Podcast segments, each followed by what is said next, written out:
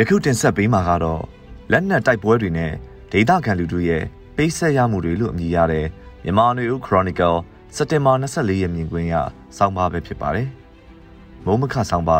စက်တင်ဘာ25 2022ခုနှစ်လက်နက်ကင်တိုက်ပွဲတွေမြန်မာနိုင်ငံနေရာအနှံ့လို့ပြောရလောက်အောင်တောင်ပိုင်းမြောက်ပိုင်းအနောက်နဲ့အလဲပိုင်းဒေသတွေမှာဖြစ်ပွားနေကြတာပါ။နေ့စဉ်သတင်းတွေတဲ့စကိုင်းတိုင်းကတိုက်ပွဲသတင်း ကရင်ပြည်နယ်ကတိုက်ပွဲကယားပြည်နယ်ကတိုက်ပွဲသတင်းရခိုင်ပြည်နယ်ကတိုက်ပွဲသတင်းနဲ့မကွေးတိုင်းအထက်ဘက်နဲ့ချင်းပြည်နယ်တို့ကတိုက်ပွဲသတင်းတွေက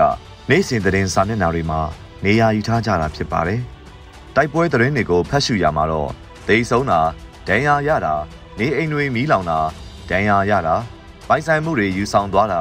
ဖျက်ဆီးခံရတာတွေကနေ့စဉ်သတင်းတွေရဲ့အကြောင်းအရာတွေဖြစ်နေကြပြီးဖတ်ရှုသူတွေအဖို့မထူးဆန်းသလိုဖြစ်လာလို့တောင်နေပါတယ်။ မထူးဆန်းဘူးလို့ထင်ရတယ်လို့ဆိုပေမဲ့တကယ်ခန်းစားကြုံတွေ့နေရသူတွေအဖို့ကတဘွားလုံးအတွက်မေးပြဖို့မလွယ်တဲ့အတွေ့အကြုံအစားပြန်မရတော့တဲ့ဆုံးရှုံးမှုတွေစိတ်တန်ရာတွေဖြစ်ပါတယ်။ငတ်မပေယောဂပေကနောက်ဆက်တွဲလာမဲ့သဘောလည်းဖြစ်နေပါတယ်။ဒီနေ့သတင်းတွေထဲမှာလည်းစကိုင်းတိုင်းကခင်ဦးမြို့နယ်တဲကဂျေးရွာတတရအကျိန်မီးရှို့ခံရတဲ့သတင်းရခိုင်ပြည်နယ်ဘူးတီတောင်မြို့နယ်တပိတ်တောင်ရွာကိုစစ်ကောင်စီတပ်ကဝင်ပြီးမီးရှို့တာ ရွာသားတွေကိုဖမ်းဆီးစစ်ဆေးတာတွေလုပ်နေတဲ့သတင်းတွေနဲ့အတူကယားပြည်နယ်မိုးပြဲဒေသကတိုက်ပွဲဖြစ်ပွားတဲ့သတင်းတွေဖော်ပြထားကြတာတွေ့ရပါတယ်။စကိုင်းတိုင်းကတပယ်ရင်ရေဦးခင်ဦးဒဇယ်ပလဲရင်းမပင်ဝက်လက်မြို့နယ်တွေကကျေးရွာတွေရဲ့စစ်ကောင်စီဝင်ရောက်မိရှို့တာစစ်ကြောင်းဝင်တာလေကြောင်းတိုက်ခိုက်တာကျေးရွာသားတွေတေဆုံးရတဲ့တရင်မပါရှိတဲ့နေ့မရှိတော့အောင်တနေရာပြီးတနေရာဖြစ်ပျက်နေတာတွေ့ရပါတယ်။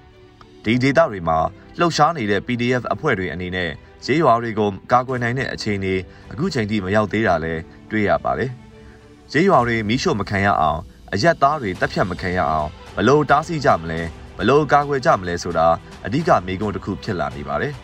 ။ဒီဒေသတွေကတိုက်ပွဲတွေလအတန်ကြာဖြစ်ပွားခဲ့ပြီးဖြစ်သလိုဈေးရွာပေါင်းများစွာကနေအိမ်ပေါင်းတောင်းကနန်းရိတ်ခါစပါပဲတင်းပေါင်းထောင်ချီတဲ့ပမာဏအထိမီးလောင်ကျွမ်း ဖျက်ဆီးခံရပြီးဖြစ်ပါတယ်။ဘိုင်ဆိုင်နဲ့ပစ္စည်းနဲ့အဝတ်အစားဆုံးရှုံးခဲ့ကြရတဲ့တန်းမိသားစုဝင်တွေဆုံးရှုံးကြရတဲ့ဒဏ်ရာတွေတစ်ခုပေါ်တစ်ခုထပ်ဆစ်နေပြီလို့ဆိုရမယ်ထင်ပါတယ်။စစ်ဘေးကြုံနေကြရတဲ့ဒေသတွေကသူတွေရဲ့သေရေးရှင်ရေးအခက်အခဲက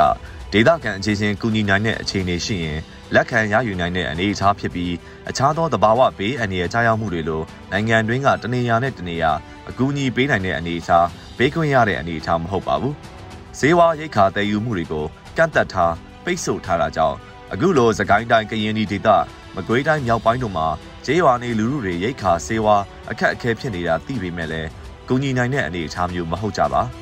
စစ်ဘေးဒုက္ခကိုရော့ပါစေဖို့ကအဲ့ဒီဒေသရဲ့ဒေသအလိုက်ဖွဲ့စည်းထားတဲ့လက်နက်ကိုင်အဖွဲ့တွေကကျေးရွာနေလူလူကိုစစ်အင်အားနဲ့အကာအကွယ်ပေးနိုင်တဲ့နီးလန်းနဲ့သို့မဟုတ်ရင်ကျေးရွာတွေမှာအခြေမဆိုင်ပဲတတ်တတ်မတ်မတ် လက်နက်ကိုင်အခြေဆိုင်နယ်မြေထူထောင်ပြီးလှုပ်ရှားကြဖို့ဖြစ်ပါတယ်။လက်နက်ကိုင်တိုက်ပွဲဖော်ဆောင်ရမှာကျေးရွာတွေမှာအခြေခံဒေသအဖြစ်ထားပြီးဖော်ဆောင်တာကိုစစ်ကောင်စီဘက်ကလူလူကိုပါထောက်ခံတဲ့အတွက်သို့မဟုတ်လက်ခံတဲ့အတွက်တိန်ကြုံပြစ်ဒဏ်ခတ်ပြီးလက်နက်ကင်တဲ့ဂျေးဝါလူလူကိုခွဲထုတ်မဲ့နီးပြူဟာကိုဂိုင်းဆွဲပြီးလှုပ်ဆောင်နေတယ်လို့လည်းကောက်ချက်ချနိုင်ပါတယ်။ဒီနေ့ဂျေးဝါလူလူကစားနပ်ရိက္ခာပြက်လက်လာတဲ့အခါအသက်မွေးဝမ်းကြောင်းအလုပ်ဖြစ်တဲ့စိုက်ပျိုးရေးမလုပ်ကင်နိုင်တော့တဲ့အခါ လက်နက်ကင်တိုက်ခိုက်နေတဲ့အဖွဲ့တွေကိုလည်းမကူညီနိုင်တော့တဲ့သဘောမျိုးလက်နက်ကင်ခုခံမှုကိုစွန့်လွတ်ကြလိမ့်မယ်လို့စစ်ကောင်စီဘက်ကမှန်းဆထားတာဖြစ်ပါတယ်။ဖိနှိပ်တဲ့အာဏာရှင်အစိုးရတွေကလက်နက်ကင်ခုခံတိုက်ခိုက်မှုတွေကိုဖြိုခွဲချေမှုန်းရာမှာအခုလိုပြည်သူလူထုကိုလက်နက်ကင်ခုခံမှုကနေကင်းရှင်းအောင်တစားကန်လုပ်ပြီးချေမှုန်းလေးရှိကြပါတယ်။မြန်မာနိုင်ငံကစစ်အာဏာရှင်လည်းဒီလိုနီးပရိယယ်ကိုတုံးပြီးလှုပ်ဆောင်နေတာလို့ကောက်ချက်ချနိုင်တာပါ။ တိုင်းရင်းသားလက်နက်ကင်အဖွဲ့တွေအနေနဲ့ဆယ်စုနှစ်များစွာလက်နက်ကင်ခုခံတိုက်ခိုက်လာတဲ့အတွေ့အကြုံအရ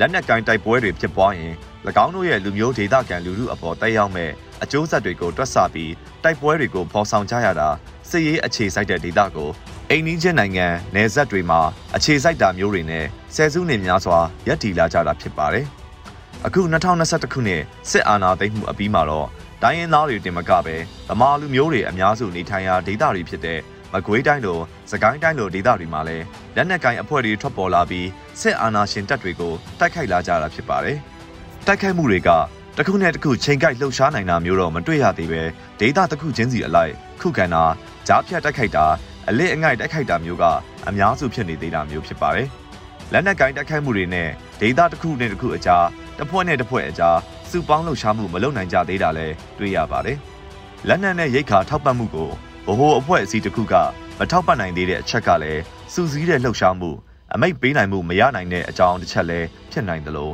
ဒေတာအလိုက်ရှိနေကြတဲ့ဒိုင်းရင်သားလက်နက်ကိုင်အဖွဲ့တွေရဲ့၎င်းတို့နိုင်ငံရေးစစ်ရေးသုံးသက်ချက်အကဲဖြတ်မှုနဲ့မဟာဗျူဟာတွေကြောင့်လည်းဖြစ်နိုင်ပါတယ်။ဒီလိုမဟာဗျူဟာအရပြန်လဲသုံးသက်အကဲဖြတ်ပြီးဖြစ်ပွားနေတဲ့လက်နက်ကင်ခုခံမှုတိုက်ခိုက်မှုတွေနဲ့ လူမှုအပေါ်ထိခိုက်မှုဘလို့ရောချနိုင်မလဲဆိုတဲ့အချက်တွေကိုလည်းအလေးထားထည့်သွင်းစဉ်းစားကြဖို့လိုအပ်လိမ့်မယ်လို့ထင်မြင်မိပါတယ်ခင်ဗျာ။ယခုတင်ဆက်ပေးခဲ့တာကတော့လက်နက်တိုက်ပွဲတွေနဲ့ဒေသခံလူထုရဲ့ပေးဆက်ရမှုတွေလို့အမည်ရတဲ့မြန်မာຫນွေဦး Chronicle မိုးမခဆောင်ပါပဲဖြစ်ပါတယ်ခင်ဗျာ